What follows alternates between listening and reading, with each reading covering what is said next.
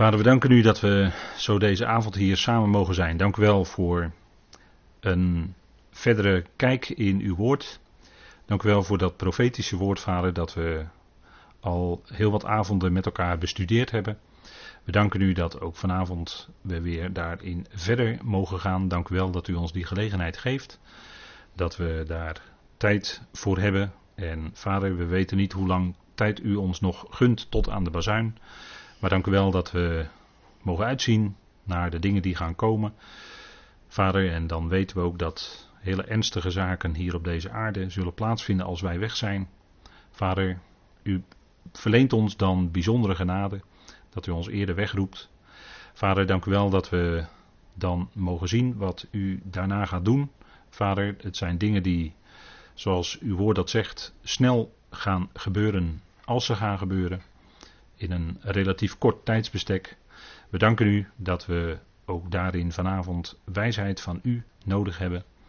Niet alleen in het spreken, maar ook in het luisteren en het verstaan met ons hart. Dank u wel dat u met uw volk Israël tot uw doel komt. Het is uw oogappel, vader. En we zien in deze tijd zorgelijk veel antisemitisme. Vader, we bidden u voor uw volk en vader, we danken u dat zij door u terechtgebracht zullen worden. Vader, daar spreekt ook openbaring zo duidelijk over. We danken u dat we mogen stilstaan bij de climax toch wel van de komende tijd. Dat is het gericht over Babylon.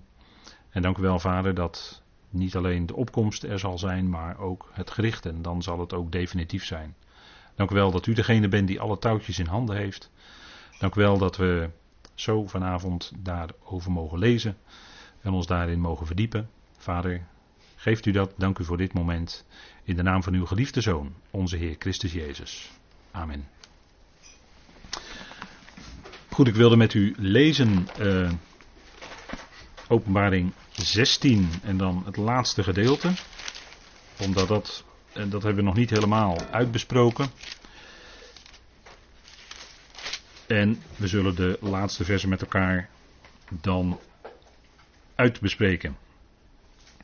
En ik begin dan even met u te lezen vanaf vers 17. En de zevende engel goot zijn schaal uit over de lucht. En er klonk een luide stem uit de tempel in de hemel, vanaf de troon, die zei: Het is geschied. En er kwamen stemmen, donderslagen en bliksemstralen. En er kwam een grote aardbeving, zo een als er niet is geweest, sinds er mensen op de aarde geweest zijn, zo'n aardbeving, zo groot. En de grote stad viel in drie stukken uiteen, en de steden van de heidevolken stortten in. En het grote Babylon kwam bij God in gedachtenis, en hij gaf haar de drinkbeker met de wijn van zijn grimmige toren. En alle eilanden zijn op de vlucht geslagen en bergen waren er niet te vinden. En grote hagelstenen, elk ongeveer een talent zwaar, vielen uit de hemel op de mensen neer. Maar de mensen lasterden God vanwege de plaag van de hagel, want de plaag was zeer groot. Tot zover even voor dit moment. Openbaring 16. En we hebben de vorige keer deze dit vers al heel even gezien. De grote stad werd verdeeld in drie delen. En naar, de, naar het inzicht van diverse uitleggers is dit uh, Jeruzalem. Andere uitleggers zeggen het gaat hier over Babel of over Babylon. Nou, we houden het op Jeruzalem. Dat die grote stad werd verdeeld in drie delen. Want vlak hierna wordt apart nog gesproken over de grote stad Babylon. En uh, we zien hier op dit plaatje ziet u een uitwerking van een aardbeving. Nou, dan ziet u al wat een relatief niet hele zware aardbeving al teweeg kan brengen. En we zien op het rechte plaatje ziet u die rode lijn. Dat, is de, uh, dat noemt men ook wel de Syrisch-Afrikaanse slenk. En dat is de, een deel van de breuklijn, hè, de uitloper van de breuklijn. En u ziet dat dat uh, loopt dwars door de Jordaan. Hè, het is de Jordaan vallei in feite ook. Hè. En door de Dode Zee en dan naar het zuiden toe de golf van Akaba. Uh, daar, nou op die lijn gaat natuurlijk heel wat gebeuren als die aardbeving waar we net over lazen, die grote aardbeving gaat plaatsvinden. En um, dan zal het, uh, zoals ik de vorige keer ook zei, meer zijn dan 7 of 8 op de schaal van Richter. Want wat dan gaat gebeuren, dan heb je hogere getallen. Dan praat je over 10, 11 of misschien zelfs wel 12. En dan blijft er weinig meer overeind hoor, dat kan ik u wel vertellen. De grote flat, torenflats en flatgebouwen en uh, voor zowel bewoning als voor kantoren die hoog gebouwd zijn, die moeten kunnen bewegen. Hè. Dat, eh, als je dan bovenin zo'n flat bent, dan, dan zie je dat ook. Dat zo'n flat, eh, daar, daar moet beweging in zitten. Dat is niet alleen vanwege de wind, maar ook moet het aardbeving bestendig zijn. Nou zal dat in Nederland, viel dat tot nu toe nog wel mee. Maar in andere delen van de wereld valt dat niet mee en wordt er ook bewust niet hoog gebouwd. Hè? Ik weet niet of u wel eens in Los Angeles bent geweest, maar uh, daar heb je alleen in de city Los Angeles heb je wat hoge gebouwen. En voor de rest is het voornamelijk laagbouw. En uh, ik ben daar toen geweest en men vertelde dat dat was vanwege de risico op aardbevingen. Dat daar voortdurend kleine aardbevingjes plaatsvinden. Zowel in Los Angeles als San Francisco. Hè, dat is daar de San Andreas breuklijn. En als, die, uh, als het daar dus uh, losgaat, en dat is ook zo in de eindtijd, daar spreekt openbaring over. Dan uh, kunt u zich voorstellen als die hele steden in de oceaan verdwijnen. Dat het vele miljoenen doden teweeg zal brengen. Dat is wat gaat gebeuren. En dat is wat wetenschappers ook zeggen. Ze verwachten nog de grote klap om het zo maar te zeggen. Nou, dat is in openbaring ook voorzegd, hè, die grote klap. Dat gaat gebeuren. Jeruzalem valt uit of in elkaar, hoe moet je het zeggen? Jeruzalem zal nog worden verwoest.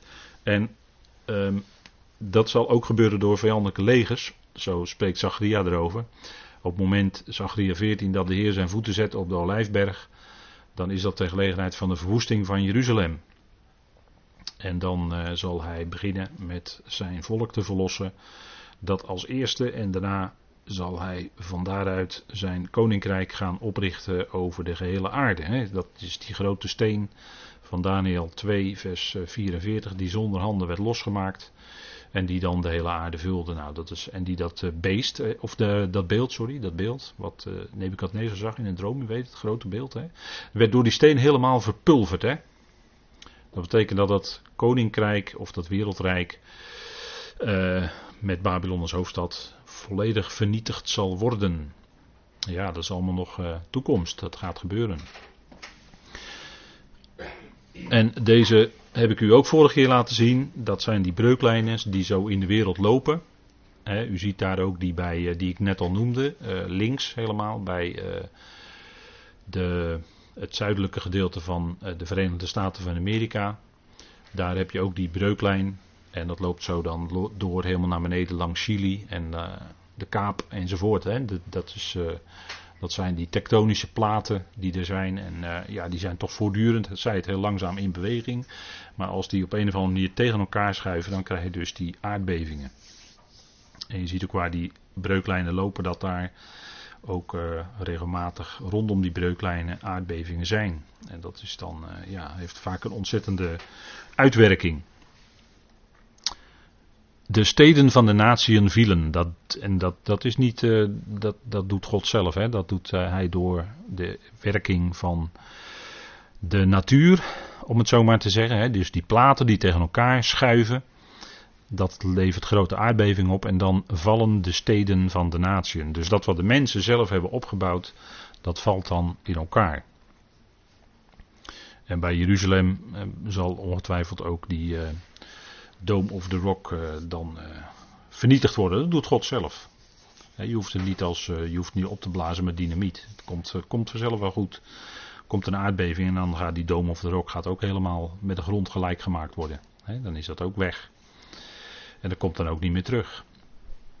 En het grote Babylon kwam bij God in gedachtenis, zegt openbaring 16 vers 19 ook. Genesis 10, dat is het begin. Hè? Uh, het begin van Babel. Uh, Babel speelt dus in de derde aion, want Genesis 10 is na de grote vloed bij Noach.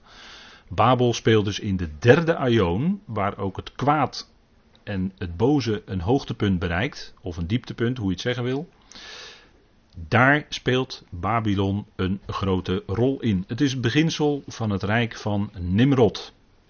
Dat wil niet zeggen per se dat Babel door Nimrod zelf gebouwd werd, maar het had wel te maken met Nimrod die een geweldig jager was voor het aangezicht van Yahweh. En waar joeg hij naar? Hij joeg naar heerschappij, naar een koninkrijk, een eigen koninkrijk oprichten, zonder inmenging van God. En daartoe werd een toren gebouwd. De mensen zei: Kom aan, laat ons eh, stenen bakken en dan gaan wij zelf een toren bouwen. Met de top tot in de hemel. En dat is altijd het streven van de mens. Daarom zie je in onze tijd ook eh, de ene toren naar de andere verrijzen. Dat, eh, dan doet men het erom dat men dan de hoogste toren heeft. Ik weet niet waar die staat op dit moment. Dubai, Singapore, zeg het maar. Dubai. Dubai, goed. Ja, Dubai, dat is op dit moment dan de hoogste toren. En dat is alleen maar dat is een uiting van het streven van de mens om zichzelf een naam te maken, zoals Babel dat is. Hè. Alles waarin de mens, en dat kan heel groot zijn, met die toren toen bij Babel, maar het kan ook heel klein zijn, op hele kleine schaal. Alles waarin de mens zichzelf een naam wil maken en dat daarbij dat wil doen zonder God en zonder Christus Jezus, dan is dat in principe Babel. En dat kan ook kleinschalig zijn, dat kan grootschalig zijn. Daar waar de mens zelf wil heersen, waar hij zichzelf een koninkrijkje wil oprichten. Het zij op religieus gebied, het zij op politiek gebied. Zonder God, zonder Christus, zonder zich te onderschikken aan hen, dan is dat het beginsel Babel. Streven van de eenheid vanuit de mens. En wij zijn leden van het lichaam van Christus. En in het lichaam van Christus heb je hele andere principes. Hele andere principes. Dat is diametraal daartegenover. Wij beleiden en wij weten uit Efeze dat die eenheid van de geest, en dan praten we dus niet over een vleeselijke eenheid, want dat is het streven van Babel, eenheid van de mens, waar men vandaag aan de dag ook heel erg mee bezig is. De eenheid van de mensen gezamenlijk maken, zonder God, is naar het vlees en in het lichaam van Christus is daar die eenheid van de geest, die is er, en die zouden wij bewaren met de band van de vrede. Dat is wat Paulus aangeeft hè, in Efeze 4. Dus wij hoeven die eenheid niet te maken. Nee, die eenheid is er al met alle gelovigen. Allemaal dezelfde geest ontvangen.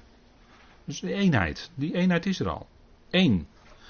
En daar waar de mens streeft naar eenheid daarbuiten, is dat eigenlijk al in de kiem Babel. Dan, en Babel betekent, dat weten we, dat betekent desintegratie. Dus dan gaat het al losser worden. maar als je uitgaat van die eenheid van de geest die God zelf tot stand brengt door ieder lid van het lichaam van Christus zijn geest te, te, hebben gegeven. We zijn verzegeld met die geest. Die eenheid die is er en die zouden wij bewaren. En als je dus aan de andere kant gaat, het streven vanuit de mens, en er gebeurt ook veel op godsdienstig, op religieus gebied, streven vanuit de mens, zichzelf een naam willen maken in de wereld, en dat gebeurt ook bij groeperingen. Uh, maar dan is men bezig toch in principe met eigen werken. En eigen werken, dat is alleen maar die bakstenen zelf maken uit, hè, uit de grond, zelf maken, niet uit de rotsen houden wat er al is. Nee, zelf bakstenen bakken, tichelstenen maken, zoals bij Babel gebeurde, zoals later in Egypte gebeurde. Egypte is ook een beeld, hè, dat tichelstenen bakken in Egypte onder de farao is eigenlijk een uitbeelding van het eigen werken onder de wet. Daar werd Israël uit verlost. En vervolgens ging Israël zich onder de wet toch weer bezig met een eigen gerechtigheid op te richten, hè, naar de eigen werken. Nou, dus allemaal heeft dat te maken met Babel. Dat is het streven. Het grote Babylon kwam bij God in gedachtenis. En Babylon speelt in de derde aion, dat hebben we aangegeven, een belangrijke rol. Hè? De, de, lijn van Babel is soms weg, hè? dan lijkt die weg, maar dan is er toch weer.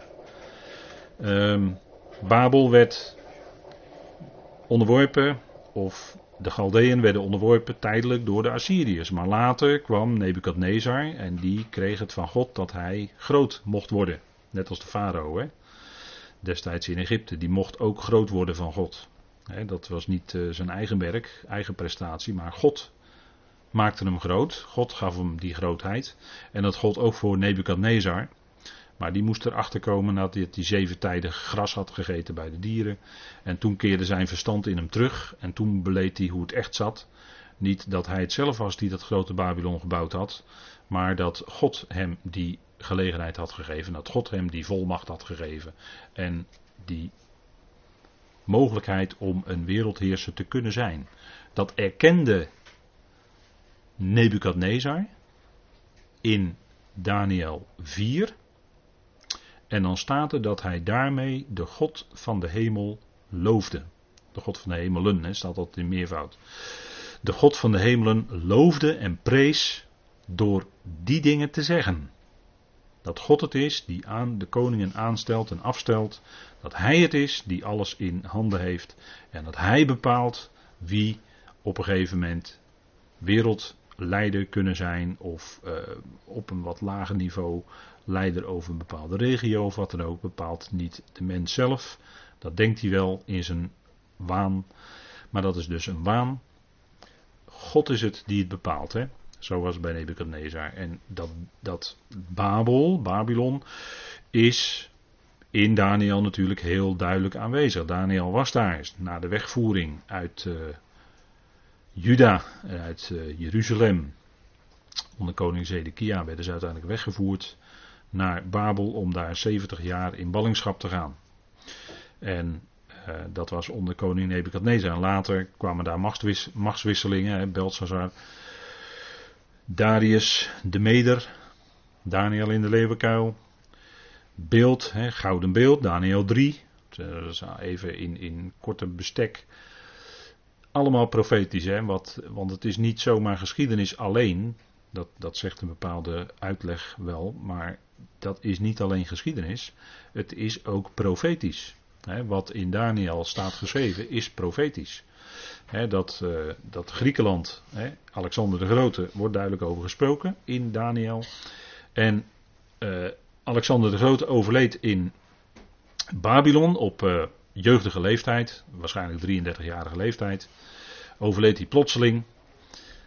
En daarna kwamen de vier generaals. Eerst vijf, heel even, maar Antigonus die werd al snel afgezet. En toen waren er vier leiders en werd zijn rijk in vieren verdeeld. Ook dat staat in Daniel. En dan zal de lijn van Griekenland werd afgebroken dus, maar dat zal in de eindtijd zal er een gebied zijn. En eh, broeder Nog noemt dat in zijn uitleg een groter Griekenland, dus een groter gebied van wat het oude, waar het oude Griekenland onder andere ook in lag.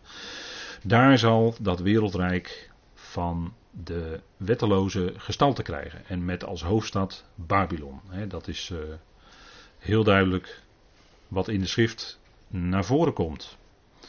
en de vier generaals, daar had je oorlog. Uh, later werden twee heel sterk, Ptolemeus en Seleucus. En dat waren de oorlogen tussen de Ptolemeën en de Seleuciden. Dus het noorden tegen het zuiden. Daar wordt ook over gesproken. En dat is ook vastgelegd in de uh, in de geschiedschrijving. Dus in kort bestek even over Babel. Hè. Babel speelt dus een belangrijke rol. Het is de wereldstad, het is de wereldhoofdstad. Als de mensheid dus uh, een godloze heerschappij heeft, een godloze regering, dan is Babel de hoofdstad. En is de mensheid onder de God van Israël, dan is Jeruzalem de hoofdstad. En zo zal het ook in de komende duizend jaar zijn die geweldige beloften in de profeten dat vanuit Sion en vanuit Jeruzalem zal de Torah, de onderwijzing en het woord uitgaan. Tot zegen voor de volkeren. En dan zullen de volkeren ook komen om het Loofhuttenfeest te vieren. Zoals in de wet staat, drie keer per jaar. Dus uh, nou, dat betekent dat de, de, de vorsten, als die dan nog leven, dan uh, zullen die drie keer per jaar optrekken naar Jeruzalem om daar het Loofhuttenfeest te vieren. Doen ze het niet, dan krijgen ze een droogte. Dat staat ook in de profeet. Hè? Doe je het niet, ja, dan heb je daar de gevolgen van. Dus zo zal het dan natuurlijk wel in die komende duizend jaar zijn. Hè? Ze zullen wel moeten komen. En aan het begin van de duizend jaar zal daar nog een opstand komen. En die zal zodanig worden neergeslagen dat de rest van de duizend jaar de volkeren het wel niet meer in hun hoofd zullen halen om dan nog iets te proberen te ondernemen tegen de shalom van Israël. Want dan zullen ze te maken krijgen met degene die met een ijzeren roede als een herder waakt over zijn volk de Messias Jezus. En hij zal zijn volk bewaren, de shalom bewaren, het welzijn, de welvaart van Israël bewaren. En dat zal dan ook tot zegen zijn voor de andere volkeren. Dan zullen zij de andere volkeren ook herderen, zoals dat heet. Zullen zij hoeden. Het zal een geweldige tijd zijn, daar zien we natuurlijk naar uit. En het is bijzonder dat deze tijd van gerichten, waar de openbaring over gaat, heel ernstig, zeer ernstig, maar het is een relatief korte tijd en daarna is het weer duizend jaar welzijn. Ik zal niet zeggen duizend jaar vrede, want dat is een uitdrukking van Johannes de Heer. Die sprak over het duizendjarig vrederijk, wat door vele evangelischen is overgenomen. Maar strikt genomen vinden we die uitdrukking niet in de schrift terug. Het is wel duizend jaar waarin de shalom voor Israël wordt bewaakt. Maar dat is soms ook met, dat is met de ijzeren roede, hè? zo spreekt de profeet erover. 144.000, die zullen ook met hem regeren met een ijzeren roede, zegt de openbaring 12. Eh, en Niet alleen openbaring 12, maar ook eh, de overwinnaars wordt het van gezegd.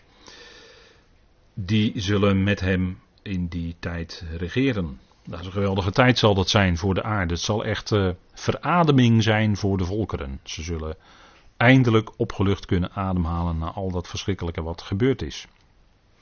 God gedenkt. Kijk, er staat in openbaring 16, Babylon kwam bij God in gedachtenis.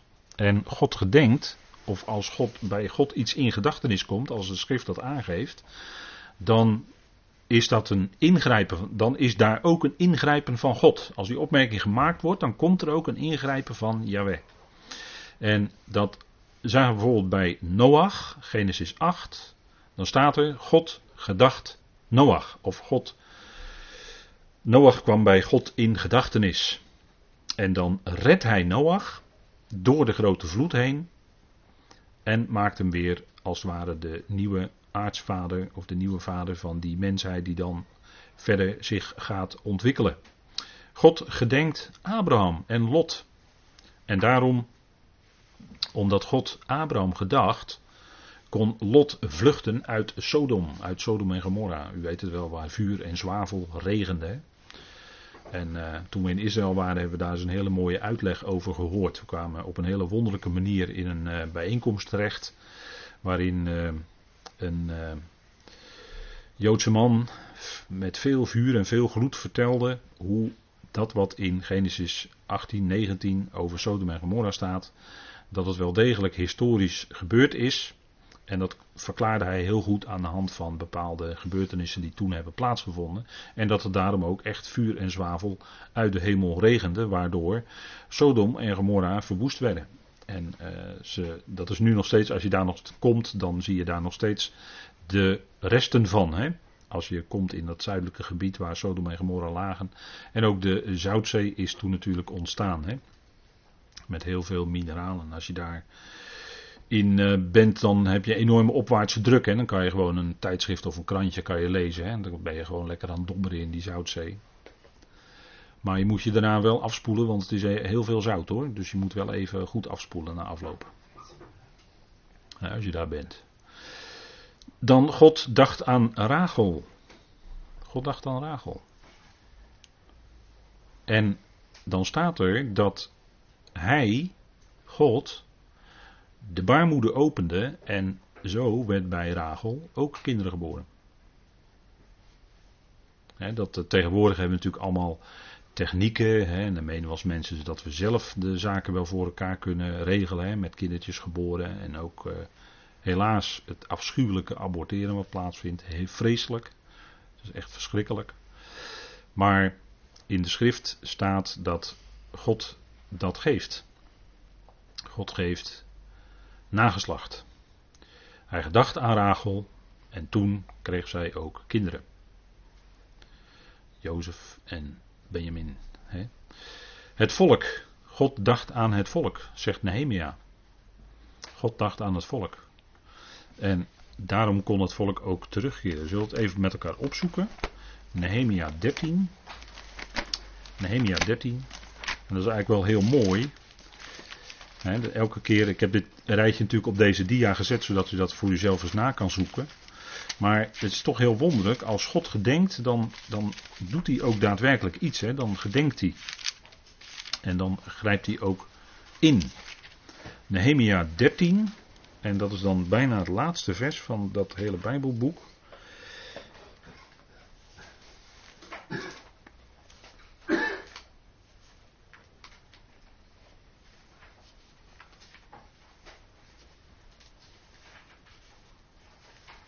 En dat is eigenlijk meer een gebed van Nehemia.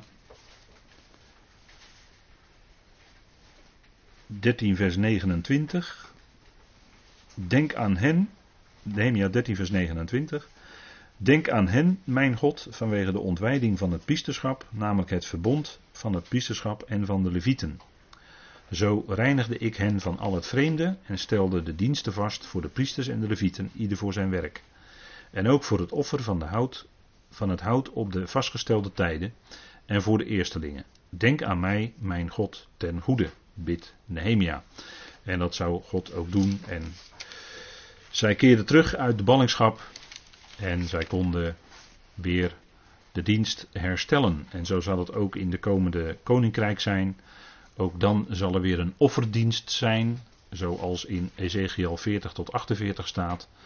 En dat zal voor het volk een terugverwijzing zijn, een, een onderwijs achteraf van de betekenis van het offer van de Heer op Golgotha. Daarom is daar die offerdienst, omdat Israël begint dan in het koninkrijk, geestelijk gezien, eigenlijk helemaal bijna van het begin af aan en moet weer al dat onderwijs gaan krijgen in de duizend jaar. En ze zullen dan langzaam maar zeker eh, aan de hand van de schrift uiteraard eh, gaan ontdekken wat die offers in werkelijkheid betekenen. Daar, zullen, lezen ze ook in dat God in feite geen behagen had in offers.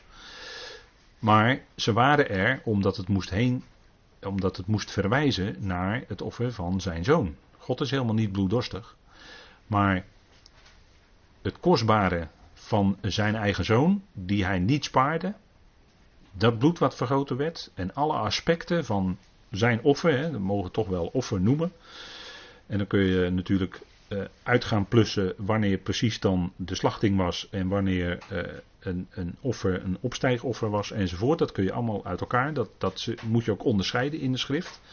Maar al die aspecten van het offer van onze Heer, die spreken van de liefde van God, die spreken van de overgave van zijn zoon, de ultieme gehoorzaamheid en onderschikking van de zoon aan, aan vader, die dan toch die weg ging, waarbij hij bad, vader niet mijn wil, maar uw wil geschieden. En dat was de onderschikking van de zoon aan de vader, waarin hij in Gethsemane het moeilijk had in de ziel, maar dan zie je toch dat de geest de overhand had en dat hij bad, vader niet mijn wil, maar uw wil geschieden. En dat is een enorm voorbeeld natuurlijk voor ons. Wij mogen ook net als de zoon Abba, vader zeggen tegen God. Hij is ook onze vader. En in die relatie met hem mogen we staan als gemeenteleden. En bij gelegenheid zal het best moeilijk zijn als we die weg van onderschikking gaan en willen gaan. Dan zal het misschien best wel eens moeilijk zijn bij ons in de ziel. Maar dan is het wel zo dat die geest in ons. Want we hebben een, eigenlijk toch een overmaat aan geest ontvangen. De geest die uit God is, de geest van Christus. En door die geest zijn we wel in staat om te kunnen onderschikken. En het zal bij gelegenheid in de ziel moeilijk zijn. Maar dat is een groeiproces. Waarin je steeds meer leert om bij gelegenheid te zeggen. Juist als op die momenten dat het moeilijk is. Vader, niet mijn wil, maar uw wil geschieden. Want daar gaat het om. En dan weten we dat wat God wil, eh, daarin werkt hij zijn bedoeling uit. En dat is uiteindelijk altijd ten goede. En dat is niet omdat wij dat. Niet omdat wij een goed gevoel hebben. Nee, dat is omdat we ons vanuit, vanuit het besef. Wat we mogen weten vanuit onze geest. Dat we. Dat die weg van die vader met ons gaat. Die weg die vader met ons leven heeft uitgestippeld. Dat dat de juiste weg is. Dat dat de beste weg is. En die weg gaan. Dat geeft ook uh, zegen, om het zo maar te zeggen. Dat geeft ook zegen. En ga je dan uit die weg die vader bedoelt, dan zul je ontdekken dat dat met veel problemen en veel moeilijkheden gepaard gaat. Maar de weg van God gaan, dat geeft altijd zegen. Dat is ten goede. Goed, dan kijken we even naar Psalm 9, waar, daar wordt het ook gezegd. Psalm 9 als God in gedachtenis brengt. Want ik denk dat toch zo'n punt is waar je in, als je openbaring leest, dan lees je er altijd aan voorbij. het Babylon kwam bij God in gedachtenis. Maar dan moet je in de schrift gaan kijken. Hey, dit is iets. Hier, hier wordt iets belangwekkends gezegd over God. En dan is het goed om dat, daar je verder in te verdiepen. Want het gaat over Vader. Het gaat over God. En dan is het Psalm 9. En dan vers 13. En dan lees ik met u even vanaf vers 12, Psalm 9, vers 12. Zing psalmen voor de Heer die te Sion woont. Voor Yahweh die te Sion woont. Verkondigt onder de volken zijn daden. Want hij eist vergelding voor vergoten bloed. Hij denkt eraan. Hij vergeet het hulpgeroep van de ellendigen niet. Ziet u, hij denkt daaraan. Dat vergoten bloed, en we hebben dat ook in openbaring gezien, dat daar waren, of daar zijn die, eh, die zielen onder het altaar, weet u wel. Dat zijn de martelaren, de Joodse mensen die omgebracht zijn. Het bloed dat roept van de aardbodem, de zielen onder het altaar. En die, dat bloed dat roept van de aardbodem om vergelding. En dat is waar, waar je ook aan kan denken hier in Psalm 9. Hij denkt eraan, hij vergeet het hulpgeroep van de ellendigen niet. En het hulpgeroep van de ellendigen van zijn volk helemaal, zou ik willen zeggen. Dat vergeet hij niet.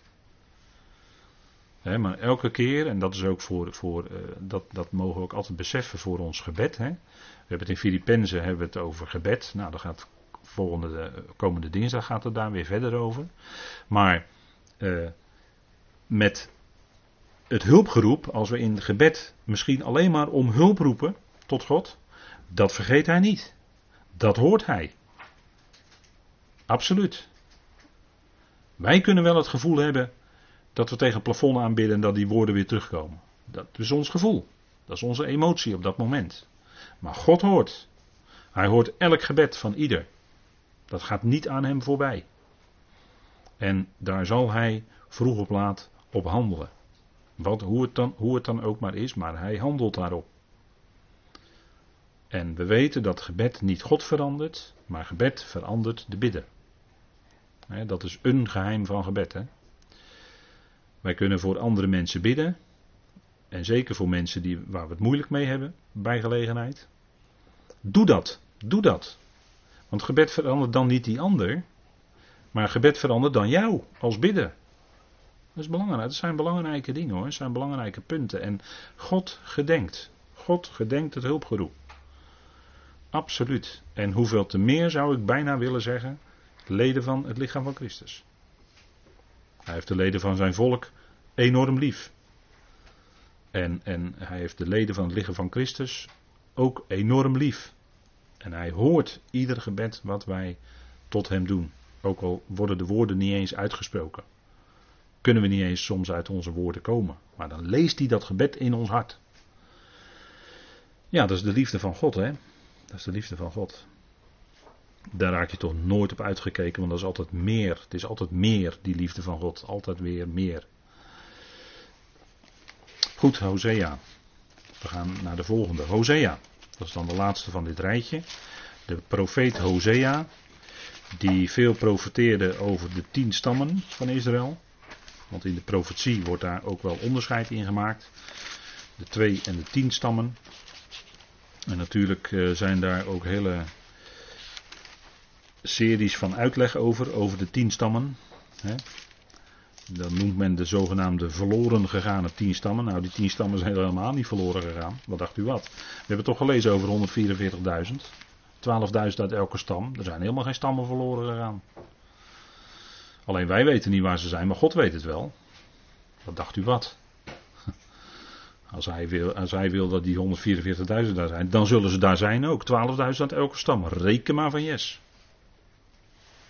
En Hosea spreekt dan vooral over de tien stammen, de afvalligheid onder de tien stammen van Israël, maar ook over de ontferming van God. Hè.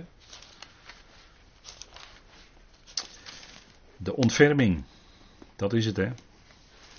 Dat is weer die liefde. Nee, uh, Hosea 8 en dan vers 13.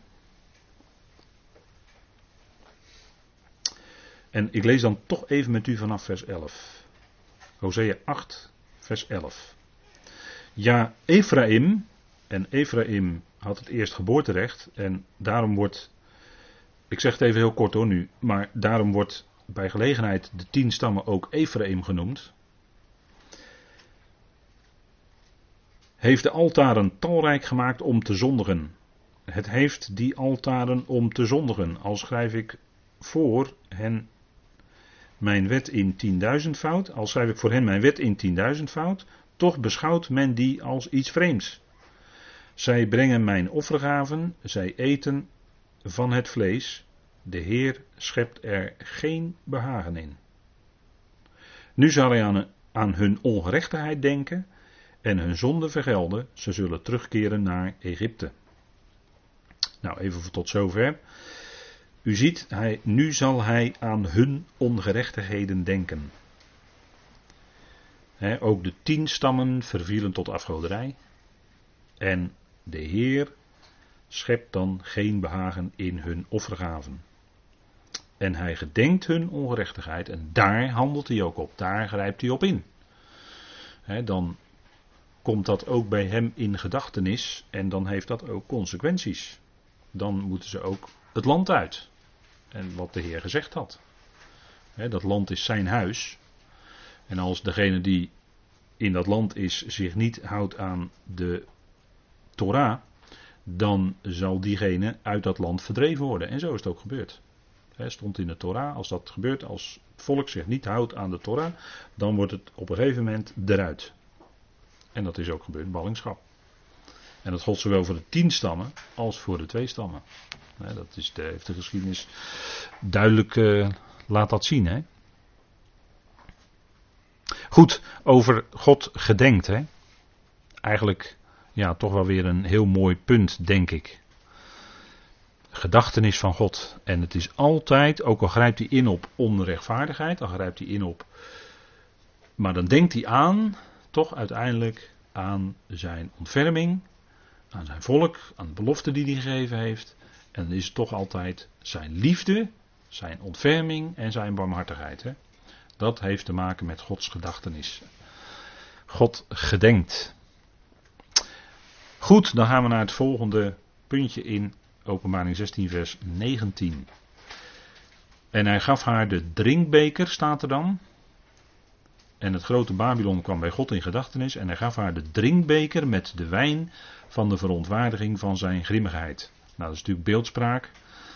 Maar dat wil zeggen, zij moeten uit die beker drinken.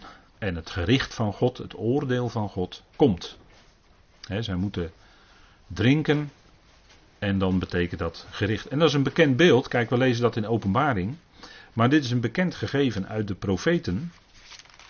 Um, ja, Hosea, dan zitten we vlakbij Jezaja. Laten we even Jezaja opzoeken. Jezaja 51. Als een voorbeeld. Maar u ziet op deze dia een aantal tekstverwijzingen. Jeremia 25 wat uitgebreider. Maar Jezaja 51. En dan vers 17. Jezaja, ik zeg het nog maar een keer, zijn naam is heel mooi. Hè? Betekent redder zal zijn ja. Dat wil zeggen Yahweh. Hè? Ja is de afkorting van Yahweh. Redder zal zijn Yahweh.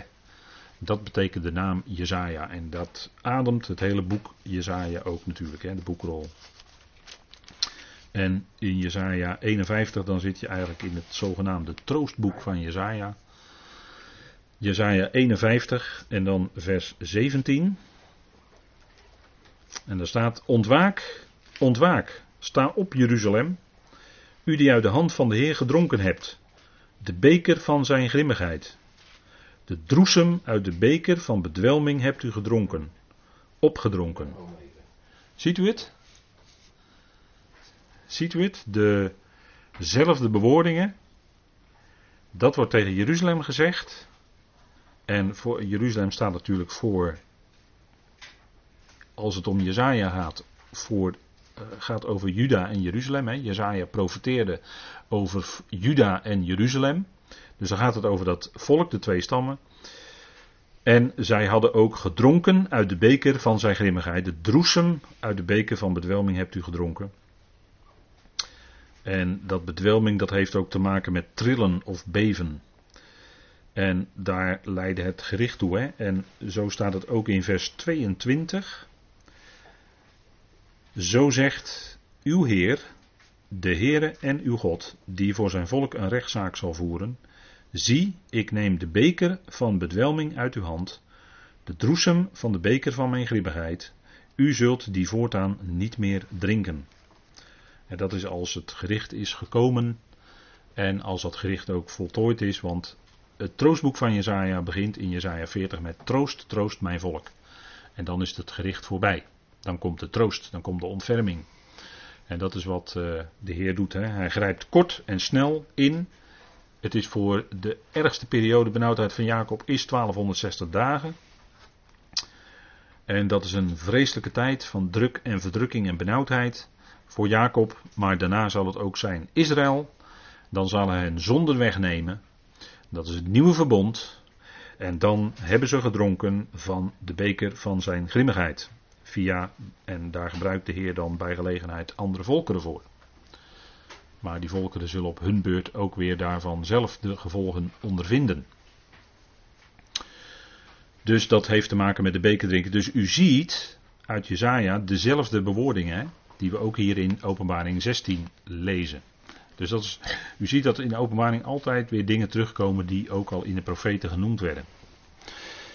Dan de grote aardbeving, waarover gesproken is, want dat is nogal wat hoor. Want misschien in het lezen ontgaat u dat, maar als u aandachtig rustig naleest, hè, Openbaring 16 vers 20, daar staat eigenlijk, en dat heb ik op deze dia ook even uitgeschreven. En alle eilanden vluchten en bergen werden niet gevonden. Dus die aardbeving heeft zodanige gevolgen dat de hele zaak geëgaliseerd wordt.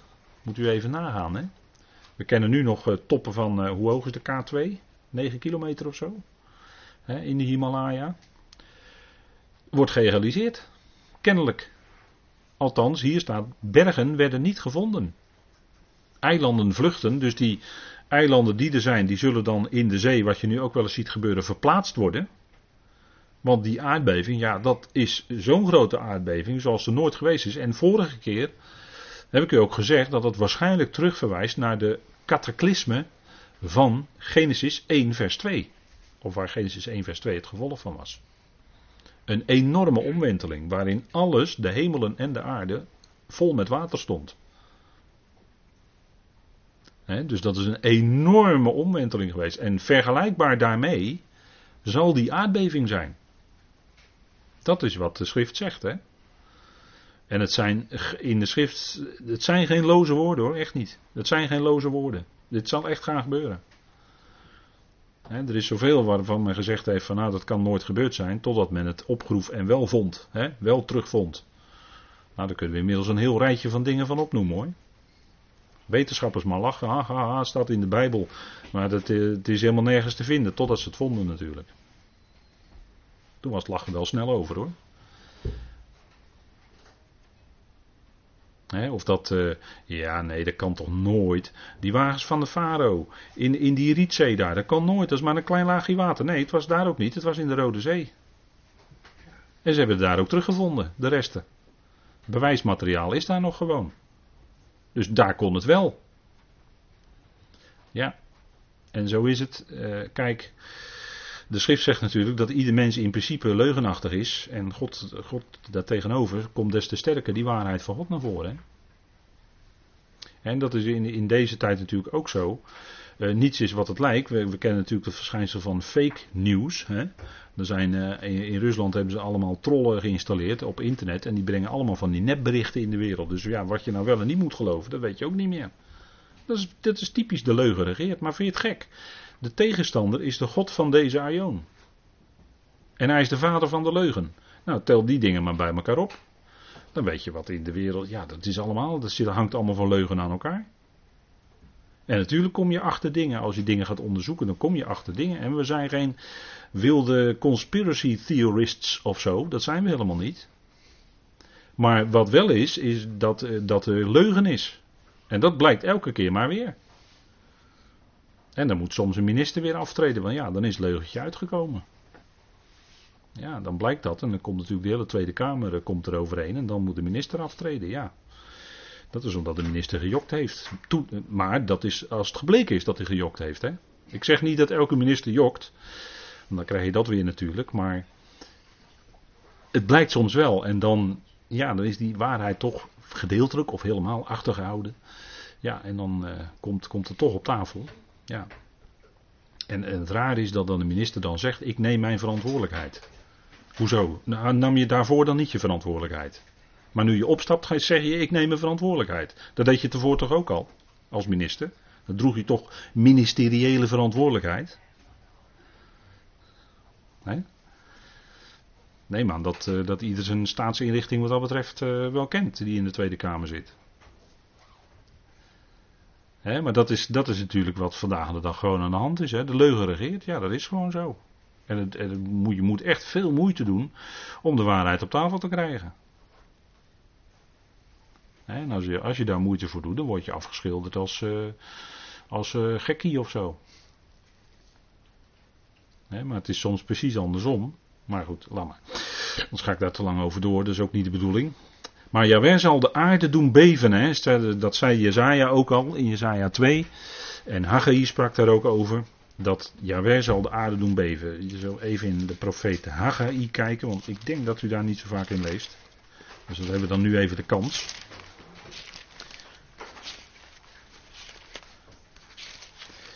De profeet Haggai.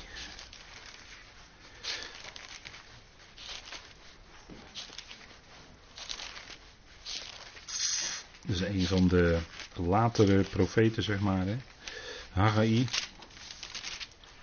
Komt na Zevania. Habakkuk, Zevania, Haggai. Nou, Haggai 2. Zo zegt de Heer, vers 7. Haggai 2, vers 7. Zo zegt de Heer van de legermachten, de Heer van de menigten, Jaweh Zevaot. Let aandachtig op uw wegen. Ga het gebergte in, haal hout en herbouw dit huis. Dan zal ik er behagen in scheppen en verheerlijk worden. Pardon, pardon, excuses, ik lees de verkeerde tekst. Ik las hoofdstuk 1, vers 7. Correctie. Want zo zegt de Heer van de legermachten: Nog één ogenblik, en dat is een korte tijd, dan zal ik de hemel, de aarde, de zee en het droge doen beven. Ik zal alle natieën, heidenvolken doen beven. Zij zullen komen naar het verlangen van alle heidevolken. En ik zal dit huis vullen met heerlijkheid, zegt de Heer van de legermachten. Ziet u het? Hij zal nog eenmaal de hemel, de aarde, de zee en het droge doen beven. En de volkeren. En dat is die grote, als u zou dat kunnen zeggen, dat is die grote aardbeving die, die nog. En dat is dus heel letterlijk. Dat is dus heel letterlijk. Het is niet alleen geestelijk natuurlijk. Het is natuurlijk een, eh, in de natuur een weergave van wat natuurlijk in geestelijk opzicht plaatsvindt. En natuurlijk is dat geestelijke het belangrijkste. Hè? Geestelijke opschudding, beving zal er komen. Alle machten zullen ontroond worden, alle machten van de duisternis, alle krachten zullen ontroond worden. De tegenstander zal niet langer de God van deze Aion zijn, want hij wordt opgeborgen in de put van de afgrond. De deksel erop, verzegelen, duizend jaar erin zitten. Komt er duizend jaar lang niet meer uit. En dan uh, wordt het lekker rustig hoor. Want dan is de vorst van het volmachtsgebied van de lucht. Ja, die is uit de lucht inderdaad. Die zit in, de, in Gods kliko, om het zo maar te zeggen. He, verzegeld en wel. En die kan uh, niet meer zijn leugentjes allemaal uh, verspreiden. Dus, en die beving, dus dat is eigenlijk de beving waar het in werkelijkheid natuurlijk om gaat. Maar er komt ook een letterlijke beving waar die in de natuur en die de volkeren zullen merken. Maar dat is natuurlijk om aan te geven dat er geestelijk gezien een enorme beving komt. Waarbij de vorst van het volksgebied van de lucht ontroond wordt. En die wordt dan op de aarde geworpen. Dat is een eerste vernedering. En daarna wordt hij in de put van de afgrond gedaan. En dat is nog een trapje lager weer. dus hij gaat, uh, hij gaat vanuit de lucht, vanuit de hemel, de lucht in. En dan op de aarde. En dan in de put van de afgrond. Dus een hele gang zo naar beneden. Ja, dat is uh, zoals God dat doet. Hè? En Jezaja spreekt daar ook over. De eilanden vluchten en de bergen werden niet gevonden. Ziet u, zo'n zinnetje, daar lees je ook eigenlijk snel aan voorbij, maar moet je even, even op u in laten werken wat, dat, wat er dan gaat gebeuren, wat voor de enorme consequenties dat heeft. Dat de, de, de aarde er dus heel anders uit zal zien daarna. En als u mij vraagt, het klimaat ook. Maar ik zeg maar één keer het woord klimaat. En ja, kijk, dan, kom, komt er, dan gaat het ook hagelen en niet weinig. Want er staat, er kwam grote hagel, ongeveer een talent zwaar. En eh, natuurlijk was dat ook bij Egypte het geval. Hè? In de, wat was het, bij de zevende plaag of de achtste plaag? Zevende plaag geloof ik. Toen hagelde het en alles, toen uh, waarschuwde God van tevoren. In het land Gozen hagelde het niet, want daar was Israël. Maar in de rest van Egypte wel. En de bomen, de bomen versplinterden hè, door die hagel. Dus toen heeft het ook al enorm gehageld. Hè? De hele oost ging eraan, dieren, mensen werden gedood. Maar hier gaat het om hagelstenen, ongekend. Een talent, ja daar kun je over twisten hoeveel kilo dat is, maar het is minimaal 20 kilo. Hagelstenen van 20 kilo. Nou, dan staat er weinig meer overeind hoor. Als dat gaat hagelen, dan, uh, dan gaat het dwars door alles heen. Hè? Dan kun je nog, nog zo'n stevig dak hebben, maar het gaat er door, op een gegeven moment een keer doorheen. En als die hagelstenen 50 kilo zijn, dan helemaal. dat, is, dat is wel een ding wat zeker is. Je ziet hier eh, op het andere plaatje van een auto, die stond bij het Gardameer, want dan kan het ook wel eens heel hard hagelen. Ik heb wel eens collega's gehad die met schrik terugkwamen van vakantie. Het had daar gehageld en een hele auto was beschadigd. En, uh, dus het kan behoorlijk tekeer gaan. Dat, dat, maken mensen soms nu al mee. Maar denk erom wat er dan naar beneden komt. Grote hagel, ongeveer een talent zwaar. dat, dat zo enorm gaat dat dan tekeer. Hè? En dat komt dan vanuit de hemel, vielen uit de hemel op de mensen neer. Kijk, en hier ziet u al wat een bescheiden hagel bij kassenbouw teweeg kan brengen. Maar, en de hagel in Egypte is Exodus 9, kunt u nog eens nalezen. Dat is het woord uh, barach. Dat is het woord voor hagel wat dan gebruikt wordt in het Hebreeuws in Exodus 9. Maar die hagelstenen vielen uit de, uit de hemel op de mensen neer. Nou, ik denk dat er dan ook heel wat mensen omkomen. Hè? Door zo'n, door dat, wat we dan zeggen, natuurgeweld. En dat is het dan ook. Ja, dat is enorm, enorm. En de reactie van de mensen, de mensen zullen zo verhard zijn, en daar hebben we ons bij openbaring wel eens vaker over verbaasd. De mensenharten zullen zo verhard zijn, dat zij niet zich wenden tot God en om ontferming vragen, maar de mensen lasterden God, hè? staat er in vers 21. De mensen lasterden God uit de slag van de hagel, want, de slag er, want groot is de slag ervan enorm. Dus het staat echt in, in, in, in heftige bewoordingen ook hier. Dit is iets groots hoor, wat dan gebeurt. Dit is iets groots. En de mensen lasteren God. In plaats van dat ze zich tot hem wenden. En beseffen, ja, hier, dit is, dit is ingrijpen. Dat beseffen ze wel, maar ze lasteren God. Ze weten waar het vandaan komt. Ze weten dan dat God wel degelijk in, aan het ingrijpen is. Maar ze lasteren hem in plaats van hem te gaan eren. Hè? Ondanks dat het erg is wat er gebeurt, maar dan beseffen, ja, die, die God, die God van de Bijbel, wat die mensen altijd zeiden, die bestaat wel degelijk. En het is hoog tijd om ons tot hem te wenden. Maar dat doen ze niet. En dan Babylon, groot, is groot in Genesis. Uh, het overzicht van Babylon, we hebben al even daarnet een paar highlights gehad. Babylon, Babylon. Wordt gesproken hier over het geheimenis Babylon. En het geheimenis Babylon, dat is een, een bijzonder iets. En om dat te onderbouwen gaan we dus uh, in de schrift de geschiedenis van het volk Israël nalopen. Babylon was groot in Genesis 10 en 11. En het kwam in verval, maar het werd opnieuw groot onder Nebukadnezar. Daarna werd het overgenomen door de Meden en de Persen hè, in één nacht, uh, Daniel 5. De Grieken kwamen, Alexander de Grote, die maakte ook Babel tot de hoofdstad ervan. En het kwam in verval. En het rijk werd verdeeld onder de vier generaals. Dat heb ik daarnet al heel even aangegeven, de Ptolemeeën en de Seleuciden. En daarna kreeg je nog een, een, een, een leider daar, uh, Antiochus Epiphanes de vierde. Waarvan men zegt dat toen de profetieën van Daniel vervuld zijn. Maar dat klopt niet als je dat nauwkeurig naast de schrift legt wat over hem verteld wordt. Hij zette een beeld van Zeus in de tempel. Hij liet daar varken slachten. Nou, een grotere ontwijding kan je voor de Joden niet bedenken. in plaats van uh, de heilige dingen daar werd het enorm ontheiligd. Dat deed Antiochus Epiphanes de vierde. En dat was niet met Babel, maar dat was wel een leider in die tijd. Waarvan men zegt, ja, dat was de antichrist. Maar dat is niet zo, dat, eh, dat, omdat het gewoon niet klopt. Alle details kloppen niet. Dus dan betekent het dat die profetieën nog wel degelijk in de toekomst in vervulling moeten gaan. Er zijn heel wat profetieën aan te wijzen die nog nooit compleet vervuld zijn. Bijvoorbeeld ook niet de profetieën in Openbaring 13 en 14, bijvoorbeeld. En profetieën van Jeremia over de ondergang, over de definitieve verwoesting en ondergang van Babel. Die hoofdstukken van Jeremia, dat is ook nog nooit zo op die manier definitief in vervulling gegaan. Dat is nog toekomst. Dus wat dat betreft is dat. En profetie, uh, dat is een belangrijk punt. Profetie wordt altijd gedaan naar aanleiding van gebeurtenissen in de dagen van de profeet. En het heeft een, vaak een uh, eerdere vervulling.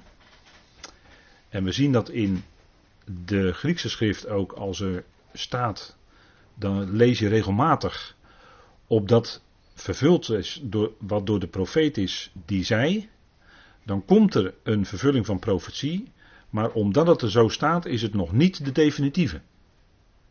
Dat staat er juist bij om aan te geven dat er op dat moment al een vervulling plaatsvindt. Maar dat wil nog niet zeggen dat dat de definitief is. De definitieve komt pas in de toekomst. Zo zei Petrus bijvoorbeeld van de bekende profetie van Joël. Hij citeerde dat, Joël 2. En dan zei hij: Ik zal gieten, uitgieten van mijn geest op het vlees. Maar dat zei Joel niet. Joel zei: Ik zal mijn geest uitgieten. Niet van mijn geest, maar ik zal mijn geest uit. En dat lijkt een triviaal verschil. Maar het is wel degelijk van belang, want de profetie van Joel, dat hij zijn geest zal uitstorten op alle vlees in de toekomst, dat gaat dus nog gebeuren. Bij Petrus, toen in Handelingen 2, was het nog niet de definitieve vervulling van Joel 2. Dat komt nog. En dat geldt eigenlijk voor het hele Bijbelboek Joel. Dat gaat nog vervuld worden. En dan zal Babel opnieuw groot worden in de eindtijd. Hè? Babel wordt opnieuw groot. En als we dan heel even lezen het beginstukje van Openbaring 17, dan lezen we daar over het geheimenis Babylon. dan lezen we dat alvast even, maar de echte bespreking daarvan, dat komt nog. Maar daar is eerst een stuk onderbouwing voor nodig. En een van de zeven boodschappers die de zeven schalen hadden kwam en sprak met mij en zei tegen mij: Kom, ik zal u het oordeel over de grote hoer laten zien die op vele wateren zit. Met haar hebben de koningen van de aarde hoererij bedreven en de bewoners van de aarde zijn dronken geworden uit de wijn van haar hoererij. En in de geest bracht hij mij weg naar een woestijn. En ik zag een vrouw zitten op een scharlakenrood beest, dat vol van godslastelijke namen was, met zeven koppen en tien horens. En de vrouw was bekleed met purper en scharlaken en getooid met goud, edelgesteenten en parels. En ze had een gouden drinkbeker in haar hand, vol van gruwelen en van de onreinheid van haar hoererij. En op haar voorhoofd stond een naam geschreven, geheimenis, het grote Babylon, de moeder van de hoeren en van de gruwelen van de aarde. En ik zag dat de vrouw dronken was van het bloed van de heiligen en van het bloed van de getuigen van Jezus, en ik was bovenmate verwonderd toen ik haar zag. En de engel zei tegen mij: Waarom verwondert u zich? Ik zal u het geheimenis vertellen van de vrouw en van het beest dat haar draagt, dat de zeven koppen heeft en de tien horens. Goed, even tot zover openbaring 17. Het geheimenis Babylon. En u ziet hier een tekening van Babylon. Gestileerd natuurlijk, maar u ziet daar de Istarpoort. En die is daar ook weer, dat hebben we al gezien, dat heb ik u laten zien op een foto. Die Istarpoort die is daar weer en die poort is gewijd, die was gewijd, is gewijd aan Astarte. Of moet ik zeggen Isis, of moet ik zeggen de koningin van de hemel. En bij die poort in het verleden, hè, dat is natuurlijk pure afgoderij, hè, die poort. Maar in het verleden werd bij die poort ook tempelprostitutie gedaan. Dus daarin zien we al het verband tussen wat Johannes hier ziet en wat ook in uh, waar de stad Babylon voor staat.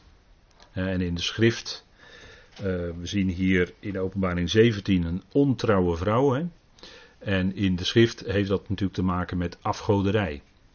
Afgoderij. Nou, daar zullen we na de pauze met elkaar verder over spreken.